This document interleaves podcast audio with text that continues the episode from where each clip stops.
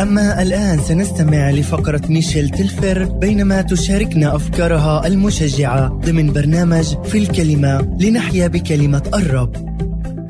كيف يمكن أن أغفر؟ يتضح لنا من خلال المثل الذي سجل لنا في إنجيل متى الأصحاح الثامن عشر والآيات الواحدة والعشرين وحتى الخامسة والثلاثين.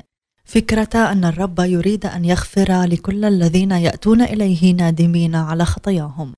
وأيضا فكرة الحرية الناتجة عن غفراننا نحن للآخرين والذي هو ذو أهمية بالغة حسب كلام يسوع.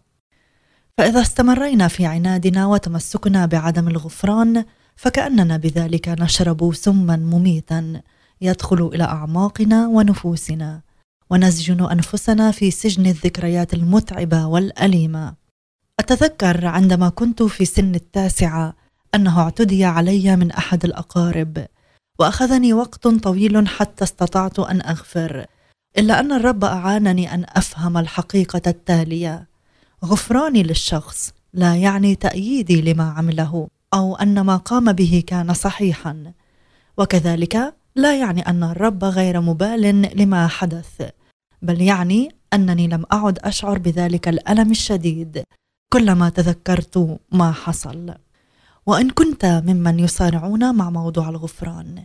دعني أشجعك وأقول لك أن لا تعتمد على مشاعرك بل صلي إلى الرب هذه الكلمات. أيها الرب الإله على أساس محبتك وغفرانك العظيمين لي فإنني اليوم أقرر بأن أغفر لفلان وأثق بأنك ستساعدني على المضي قدما ونسيان الألم.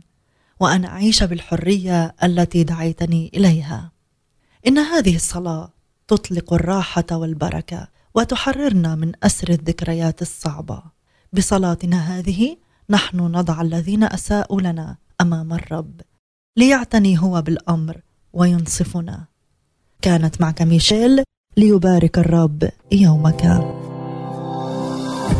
نشجعكم على الاستماع إلينا في المرة القادمة والتي فيها تتحدث إلينا ميشيل تلفر لتشجعنا من خلال الروح القدس لنعيش بحسب الكلمة وفي الكلمة.